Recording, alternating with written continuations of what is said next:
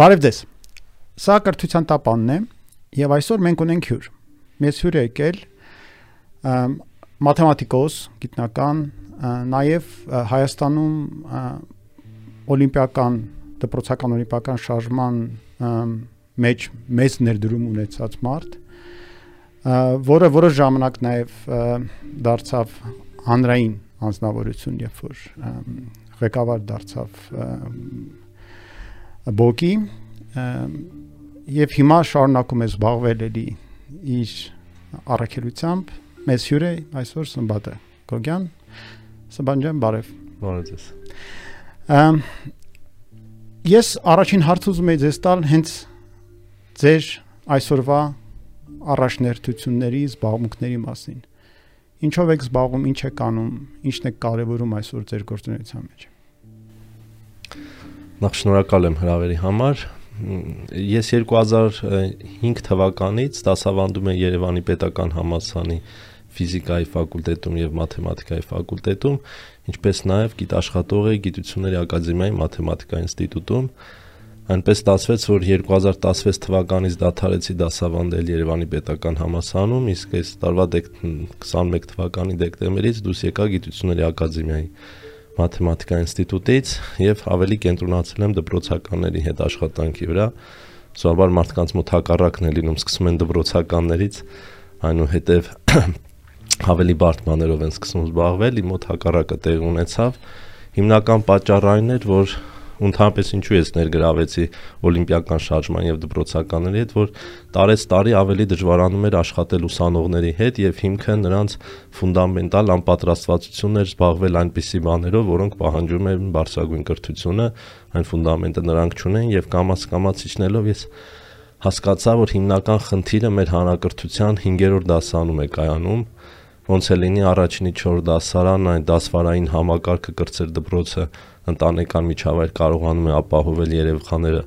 սովորում են, իսկ 5-րդ դասանից արդեն տիրում է ինչ որ տոտալ չսովորելու միջավայրը, երբ որ ուսուցիչների քանակը շատանում է, առարկաները շատանում են, ամեն ուսուցիչ իրենն է պահանջում եւ երեխայի նկատմամբ հոգատարություն չկա եւ վերջին տարիներին այդպես փնտրտուքով որ գտան խնդիրը այժմ ես եւ իմ այդ օլիմպիական ուսան աշակերտները, որոնք հիմա ուսանող են եւ ցանկանում են ինչ-որ լավ բան անել, այս երկու տարվա ընթացքում փնտրում ենք ձևաչափ թե ինչպես անել, որպեսզի massայական որակյալ գիտելիք եւ հմտություններ կարողանալ փոխանցել եւ կարծես թե գտել ենք եւ այս փետրվարից սկսելու ենք ակտիվ գործունեությունը կտեսնենք։ Շատ հետաքրքիր է։ Ես գիտեմ մեր նախկինի շփումներից նաև, որ չնայած ձեր հիմնական այսպես կենտրոնացումը նախկինում եղել է օլիմպիադաների վրա եւ երեխաների հետ աշխատանքի, որոնք պետք է պատրաստվեին հանրապետական, հետո գլոբալ համաշխարհային օլիմպիադաներին միևնույն է ձեր հետաքրքրությունը միշտ եղել է ավելի լայն ձեր մտահոգությունը եղել է ընդհանրապես դպրոցի շուրջ դպրոցական գործընթացի դպրոցների վիճակի կրթության վիճակի եւ այլն մենք բազմիցս խոսել ենք դրա մասին Այնպես որ ինձ հետաքրքիր կլինի տեսնել թե ինչ արդյունքների կբերի ձեր գործունեությունը։ Հիմա եթե դեմ չեք անդրադառնանք օլիմպիադաներին, այս շաբաթվա սկզբում Հայաստանում անցա մարզային փուլը մաթեմատիկա օլիմպիադայի եւ Եթե ինչ որ նոր հետաքրիր բաներ կան այդ ամենից կամ նորություններ ոնց ոնցով կուզենայիք կիսվել, հետաքրիր կլինի իմանալ իսկապես 3 տեղ ունեցավ հունվարի 19-ին, չգիտեմ եթերը երբ կլինի, հունվարի 19-ին տեղ ունեցավ Օլիմպիադայի մարզային փուլը, կարծես թե ամեն ինչ սահուն էր, միայն մեկ արտակարգ միջադեպ տեղ ունեցավ մարզերից մեկում անունը չասեմ, տարբերակի վրա գրած էր, որ աշխատաժամանակը 150 րոպե, ու ղեկավարությունը որոշել էր, որ 150 րոպեն 1.5 ժամ է եւ ընդամենը 1.5 ժամ էին տրամադրել աշակերտներին, մինչև 150 րոպեն 2.5 ժամ է, դրա պատճառով որոշակի բողոքներ էին առաջացել։ Մի քիչ տհաճ է, որ մաթեմատիկայի հետ կապված է այդպիսի բան առաջացել։ Մնացած ամիջը նորմալ էր, խնդիրները բավական հեշտ էին, արդյունքները դեռևս չկան, բայց կարծես թե մարզերում, ինչ որ Տավուշի մարզում, Սյունիքում ինչ որ ակտիվություն կա, լոկալ խմբեր են ձևավորել, որոնք զբաղվում են եւ տխուր է որ բոլոր պոտենցիալ ունեցողները չեն բացահայտվում եւ չեն կարողանում ստանալ իրենց համար այսպես մի քիչ բարդ մակարդակի գիտելիք, որպիսի կարողանան աճել ինչքան հնարավոր է, բայց դե ամեն դեպքում փորձելու ենք, ինչպես ասի, փետրվարից այդ հարցը լուծել։ Բարի, հենց դրա մասին էի ուզում խոսել, որ նայում եմ նախորդ տարիների հանրապետական փուլի հաղթողներին, սովորաբար ցանկում ընդամենը մի քանի դպրոց են։ Կարող եմ թվարկել Quant, Fizmat դպրոց, Evrika եւ ֆոտոն եւ հատուկեն կարող է արդեն երկրորդ կամ երրորդ տասնյակում հաղթողների հայտնվել մի այլ դպրոց հայաստանյան։ Արդյոք սա խնդիր է։ Արդյոք իրականում չկա որոշակի անարթարություն նրանում, որ այն երեխաները, որոնք տարբեր պատճառներով հայտնվել են այդպիսի դպրոցներում, որոնք ունեն հատուկ պատրաստության համակարգ օլիմպիադաների, միշտ շահում են այդ օլիմպիադաներում թե դա բնական է, թե ամեն դեպքում այդ երեխաները պիտի հայտնում էին այդ դպրոցներում եւ դրանց շնորհիվ պետք է հաղթեին։ Արդյոք դա իրենց անցած ճանապարհի արտացոլումն է, թե իրենց տրված հնարավորության հնարավորությունից օգտվելու հետևանքն է։ Ինչ ինչպիսին է ձեր վերաբերմունքը դրան նախորդ տարվա արդյունքները, որ հիշեմ, 8-ից 12-րդ դասանում բոլոր դիպլոմակիները ֆիզմատ դպրոցից են Երևանի եւ Քվանտ վարժանից եւ մեկ հոգի Եղեգնաձորի կարծես համար 5 դպրոցից կարող է համարը խառնեմ իսկ 5-ից 7-րդ դասանում բոլոր հաղթողների կեսը ընդհանուր առմամբ մարզերի երեխաներ էին կար Տավուշից, Տաշիրից հենց կար, Սյունիքից, Կապանից, տարբեր տեղերից կային եւ դա ուրախալի է անարթարություն չի ասի որ կա, որտեվ նույնիսկ իրենց մոտ ճանապարհներն էլ են վատը իրանց մոտ շատ բաներ են վատը, այդ պես որ օլիմպիական շարժման այնտեղ անհասանելիությունը բնական է մեր հանրասարակության եւ մեր տարածքային կառավարման եւ ենթակառուցվածքների համաչափ իրավիճակն այնպես չի որ անարթարություն է արվում, որ ասենք պետությունը ավելի շատ ուշադրություն է դարձնում Երևանին օլիմպիադայի առումով։ Դիսի բան չկա, ուղղակի Երևանում կա դպրոց, որտեղ այդ ամենը կարևորում է։ Եթե շատ այսպես կարգերը խորանանք, իրականում մարզի ցանկացած դպրոց կարող է ինչ-որ ծրագիր ներկայացնել եւ իր դպրոցում ունենալ օլիմպիական խմբակ։ Ուրիշ հարց թե ով է ծրագիրը գրելու եւ ով է այդ խմբակը անցկացնելու։ Եթե մասնագետ չկա, բնականաբար դժվար կլինի այդ ամեն ինչը իրականացնելը, այդ առումով չեմ կարծում, որ անարթարություն որպես այդպեսին կա եւ մենք անցած ամռանը մի հետաքրիր էքսպերիմենտ արեցինք 5-6 երրորդ դասարանի 42 43 աշակերտի համար երկու շաբաթանոց ճամբար կազմակերպեցինք, ոնց իսկ կեսը մարզերի երեխաներին, կեսը երեխաների գնացինք նրանք ոնց որ մի շաբաթ Երևան, մի շաբաթ Ծաղկաձորում ճամբար արեցինք, օրվա մեջ 6 ժամ առնվազն մաթեմատիկա կար, մնացածը խաղեր, ժամանց եւ այդպես եւ նրանք շատ ինտեգրվեցին եւ հուսով ենք, որ այդ ամենը կբերի հիմք, որ նրանք միասին զուգահեռ կզարգանան, այդ նախադրյալները տեսնում ենք եւ հետեւողական լինելու դեպքում կարելի է նաեւ այնպես անել, որ մարզերում կյանքը ակտիվանա, բայց ամեն դեպքում ուսուցիչ, որը մարզում կվարի օլիմպիական խմբակ, դժվար է կազմակերպելը կան լոկալ տեղեր աներ, անողներ, բայց ընդհանուր առմամբ այդ հարցը շատ լուրջ է եւ այսպես ասած օլիմպիադայի կազմակերպման իրավասությունների մեջ չի էլ մտնում այդ ամեն չապահովել, դա պետք է նախարարությունը կազմակերպի եւ անի։ Համաձայն եմ, բայց ամեն դեպքում եկեք փորձենք նախարարությանը օգնել, որ ինքը ճիշտ կազմակերպի եւ անի։ Տեսեք, երևի թե հիմնական պատճառը, հիմնապատճառը դա կադրերն են, ուսուցիչներ, որոնք ի վիճակի են պատրաստել երեխաներին հանրապետական գոնե օլիմպիադային, ես չեմ ասում, համաշխարհային։ Հիմա հանրապետական օլիմպիադայի խնդիրները լուծել անգամ վախենամ քիչ ուսուցիչներ կարող են Հայաստան մաթեմատիկայի Եվ այլ ավելի բնականաբար մարտահրավերային է այդ պարագայում այդ գտնել ուսուցիչներ, որոնք ի վիճակի են պատրաստել երեխաներին նման բարդ խնդիրներ լուծելուն։ Ինչ անենք։ Որտեղից գտնենք այդ մարդկանց։ Եթե նայենք, թե ով է այսօր Երևան քաղաքում համարվում մաթեմատիկայի լավ ուսուցիչ, կարծում եմ, ինձ շատերը մարզերից են Համենայն դեպս ես գիտեմ շատ մասնագետների, որոնք Երևանից չեն, ի սկզբանե ծնվել են մարզերում, հետո եկել են բնականաբար այստեղ սովորել են միգուցե ֆիզիկայի ֆակուլտետում կամ հենց մեխմատում եւ հետո իրենց ճանապարհները ինչ որ ձևով տարել են նաեւ երեխաների հետ պարապել եւ այլն, որի մի մասը կարող լինել նաեւ օլիմպիական այսպես խմբակներ վարելը։ Հիմա կա արդյոք միջոց գտնել տաղանդներ մարզերում, որոնք երիտասարդ միգուցե տաղանդներ, որոնք պատրաստ են, պատրաստական են, ի վիճակի են եւ պատրաստել իրենց, որպեսզի իրենք կարողանան խմբակներ վարել այդ հարցի պատասխանելու համար նախ հաստատեմ ձեր ասածը, որ ոչ միայն ուսուցիչների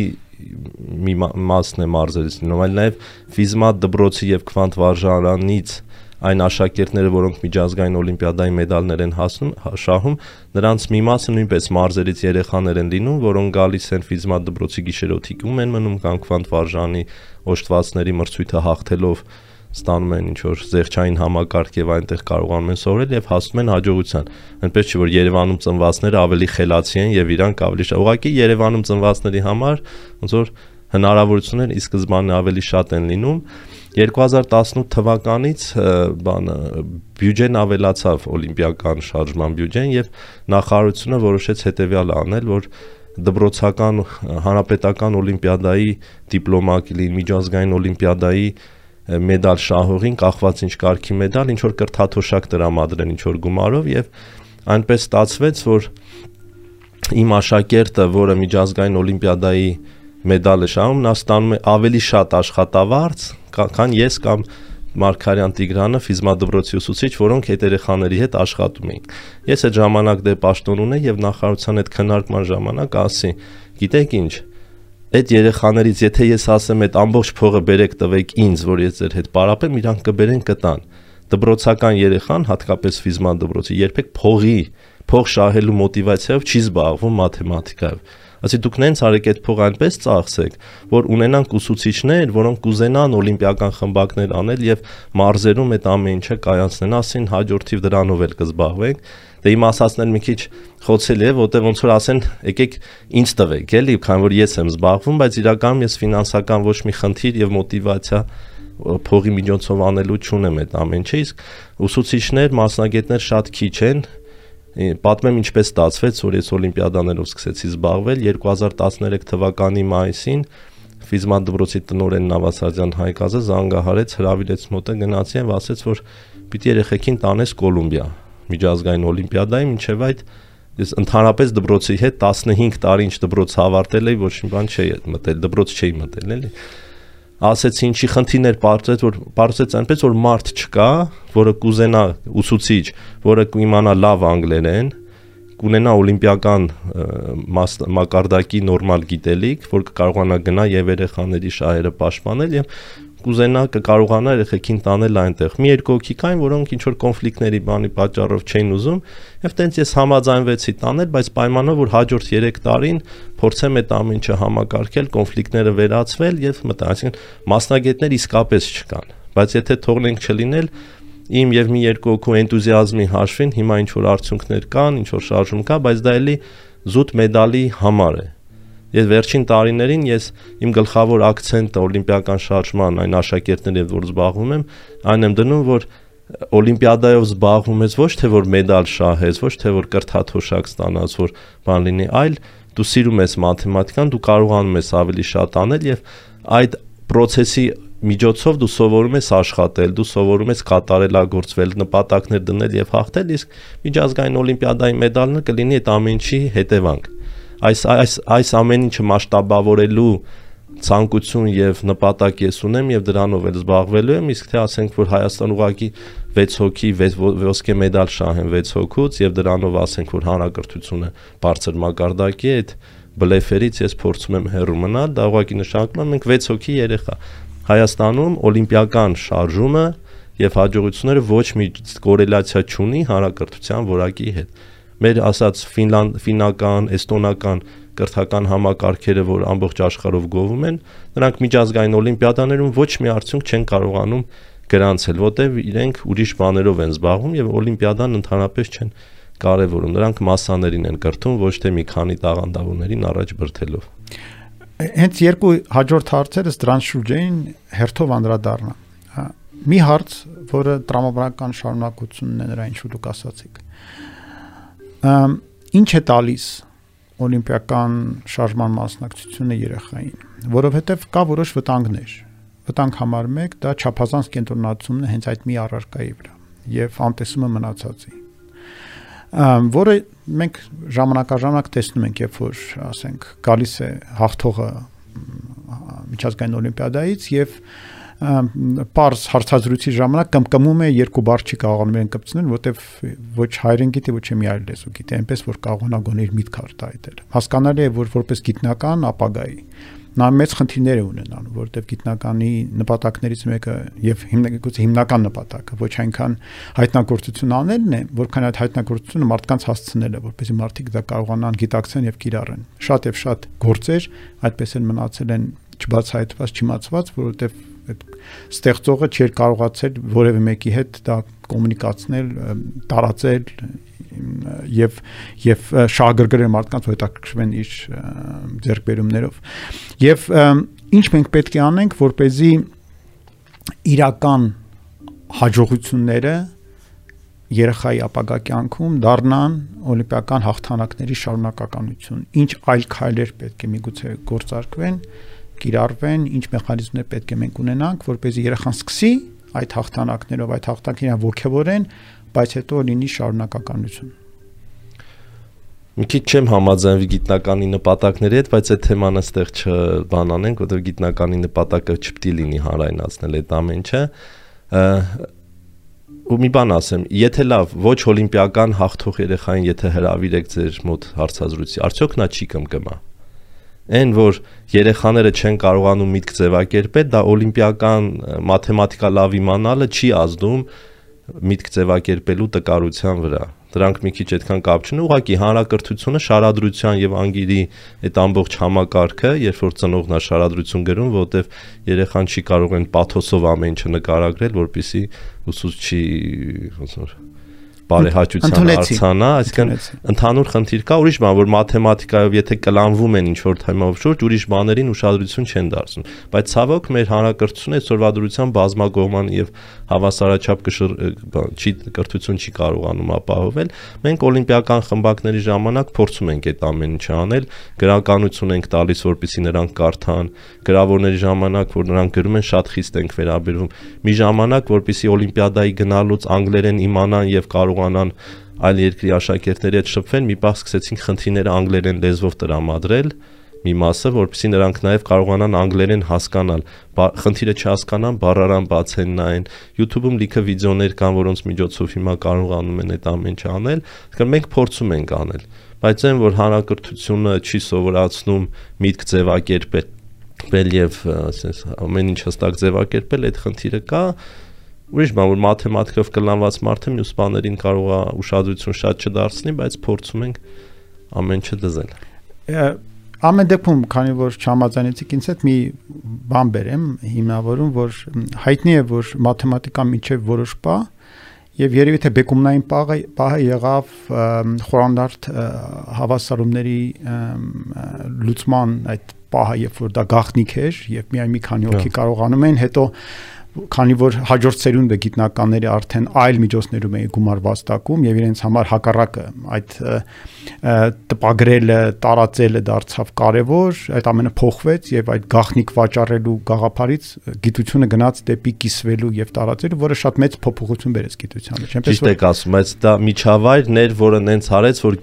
գիտնականը դառնա բաց բայց գիտնականի նպատակը չի որ ինչ որ բան գյուտ հայտնաբերի հա, հա։ տարածել։ Պիտի միջավայր լինի, որտեղ այդ ամեն ինչը ինքնըստինքյան լինի, թե չէ։ Համաձայն եմ, սակայն եթե երկու գիտնական, մեկը շատ լավ հոդված է գրում եւ կարողանում է իր գաղափարը լավ ներկայացնել, մեկը այնպեսի հոդված է գրում, որ ոչ ոք չի կարողանում կարդալ, մտքերը շադրել չգիտի,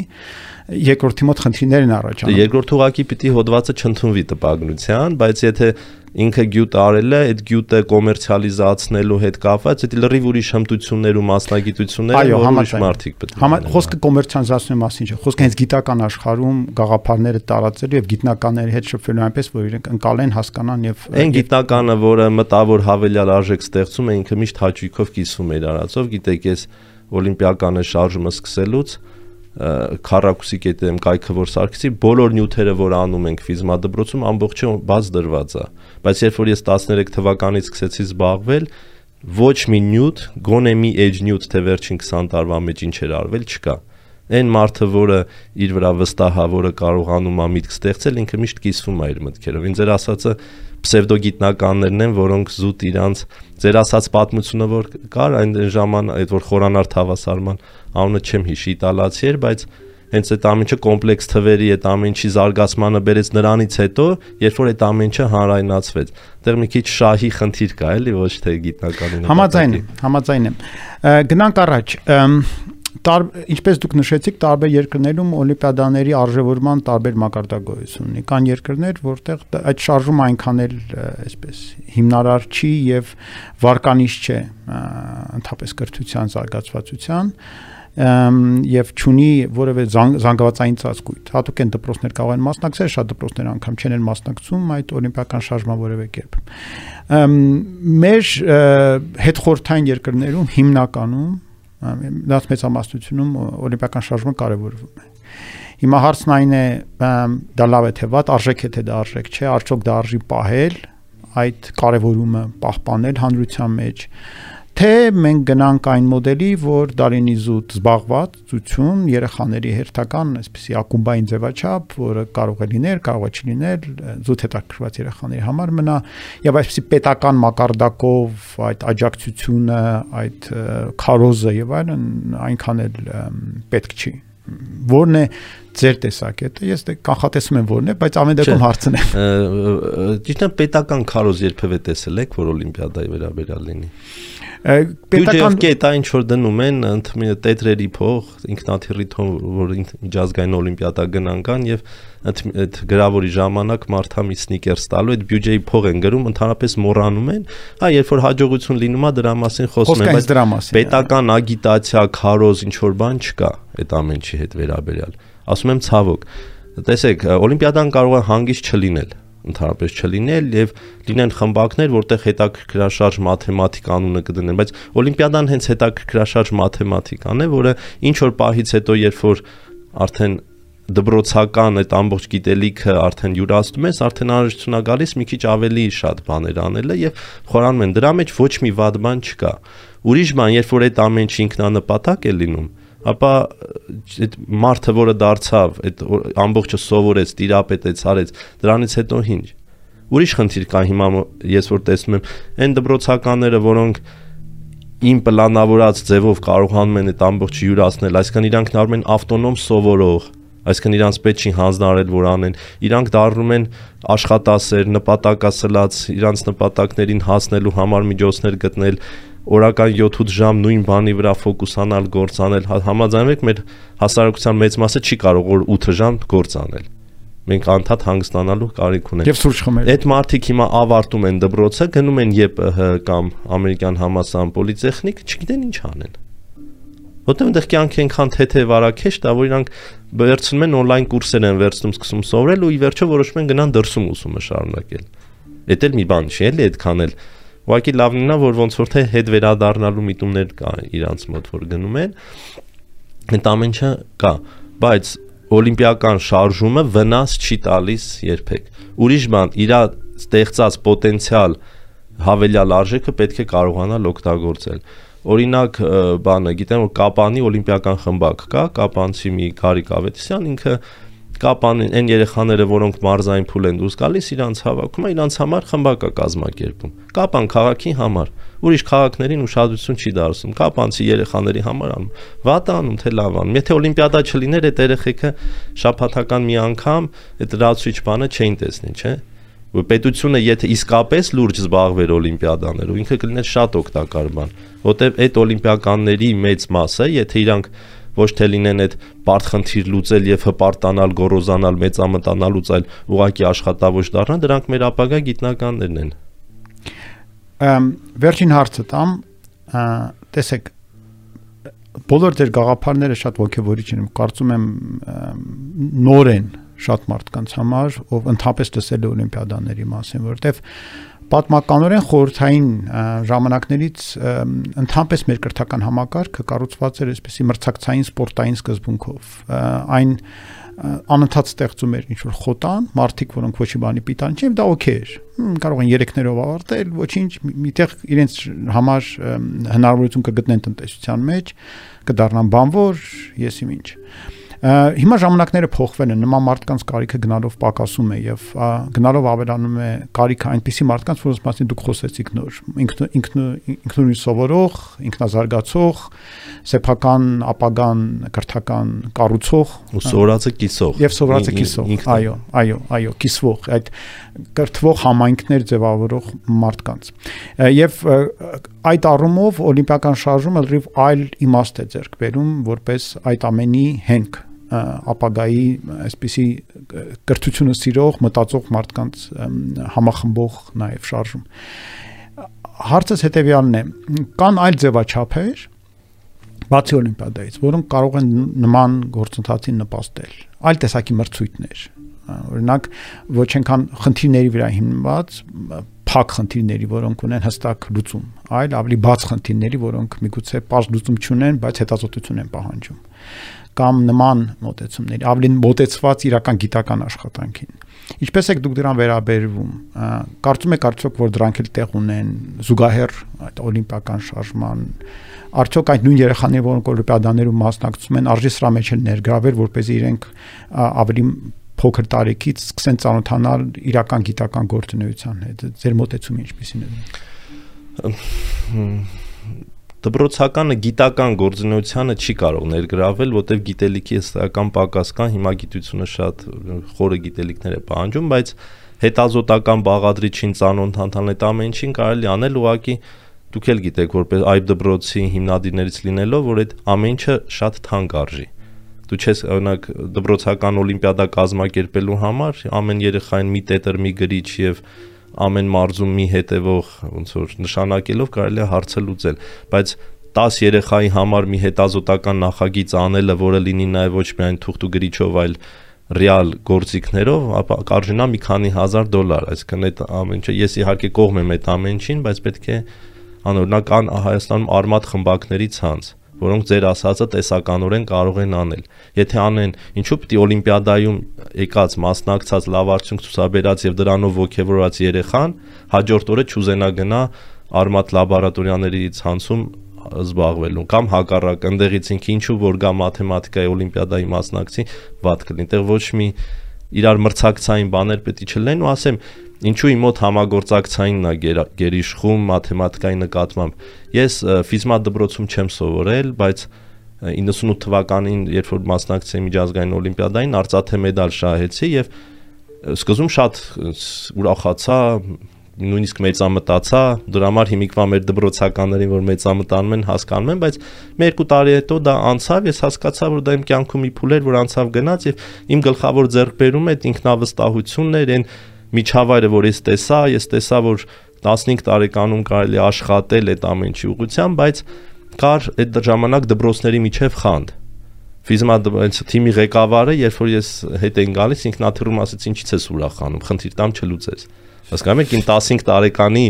վիճակը, երբ որ թիմի ղեկավարը քեզ այդպես է ասում։ Իսկ մեկ 14 թվականին դուք այբի տնորենն էիք, ես որ եկա ասի ձեր դպրոցի Սաֆարյան գորը ուզում եմ գա ֆիզմա դպրոց մասնակցի խմբակին Այդ իմն է, որտեվ գորը տաղանդավոր տղա լինելով ես ուզում եմ ինքեն ուժեղների մեջ ներգրավի, որ իրանք լինեն մի սերուցք, որը մեր երկրի ապագան պիտի լինի։ Այդ տենց պետքա վերաբերվենք օլիմպիադային ու ամեն ինչը լավ կլինի։ Ու հիմա այդ խանդը, բան ամեն ինչը դպրոցականների միջև վերացել է ամեն դեպքում այդ ամենաուժեղների մեջ փոքր դասաներում parz այդ մրցակցությունը բանը կա, բայց երբ իրանք սկսում են որոշում են, որ պիտի գնան միջազգային օլիմպիադային, իրանք ամբողջ մոտեցումը այդ process-ին փոխվում է։ Այդ դրա համար պիտի անենք այս ամենը։ Ես քանի որ ինքս եմ մասնակցել այդ օլիմպիադաներին եւ շահել եմ հանրապետական օլիմպիադաներ դեր խորհրդային տարիներին։ Ես շատ լավ գիտեմ, որ այդ օլիմպիական խմբակի իրական հաջողությունը առաջնահերթորեն պայմանավորված էր մասնակիցներով այն աշակերտները, որոնք այնտեղ գալիս են, որտեղ մեկը մյուսին աջակցելը շատ ավելի մեծ դեր կարող էր ունենալ, քան խմբակի ղեկավարի մասնակցությունը, աջակցությունը։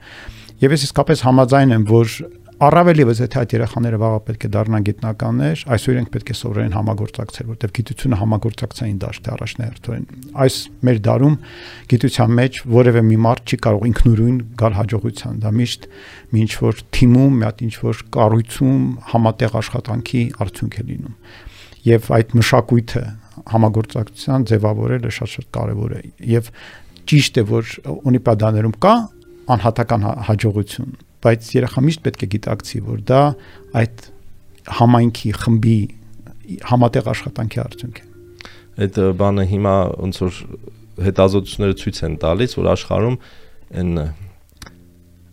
խելա տաղանդավոր, բայց ռուսեն գավնյուկ են ասում, հայերեն համարժեքը չգիտեմ, իրանք ավելի քիչ են պահանջված մեծ կառույցներում, մեծ թիմերում, քան թե միջին մասնագետը, որը շատ բարեհամբյուր եւ կիսվող եւ համ, համագործակցող բնավորություն ունի։ Ընդ մենք ձեր ասած սովետական աշխարհում, չէ, որ կար այդ ոնց որ ինչքան մարդը խելացի էր, այնքան ավելի ծանր էր հետը շփվելը, որտեվ այդ ոնց որ ինքներ որ կա, մնացածը վախվորած հետը մոտենում էին բան, լսածներով եմ ասում, չեմ տեսում, տեսել, բայց հիմա աշխարհում գնահատվում են մարդիկ, որ միգուցե այդքան տաղանդավոր չեն, բայց նրանք շատ ավելի պատրաստ են թիմակիցներին աջակցել եւ ուղղություն ցույց տալ, քան թե լինեին շատ ավելի տաղանդավոր, բայց միայն իրանք լինեն եւ իրանց շուրջը իրանց աուրա լիներ, որտեղ բոլորը վախենային ինչ որ բան ասելուց։ Այո, եւ հաստատ Օլիմպիադան ինքնագովասանքի աղբյուր դարձնելը լավ գաղափար չէ։ Դե ինչ, շատ շնորհակալ եմ, որ եկաք, շատ ուրախ եի այս խոսակցությունն ունենալ եւ հուսամ էլի կգաք այստեղ, որտեղ շատ տարբեր հարցեր կան կրթության, որոնք կարծում եմ կարող ենք իրար հետ քննարկել։ Հաջողություն։ Սրանով մենք ավարտում ենք այս հաղորդումը։ Շնորհակալ եմ, որ շարունակում եք լինել մեզ հետ։ Հանդիպենք հաջորդ երեքշաբթի։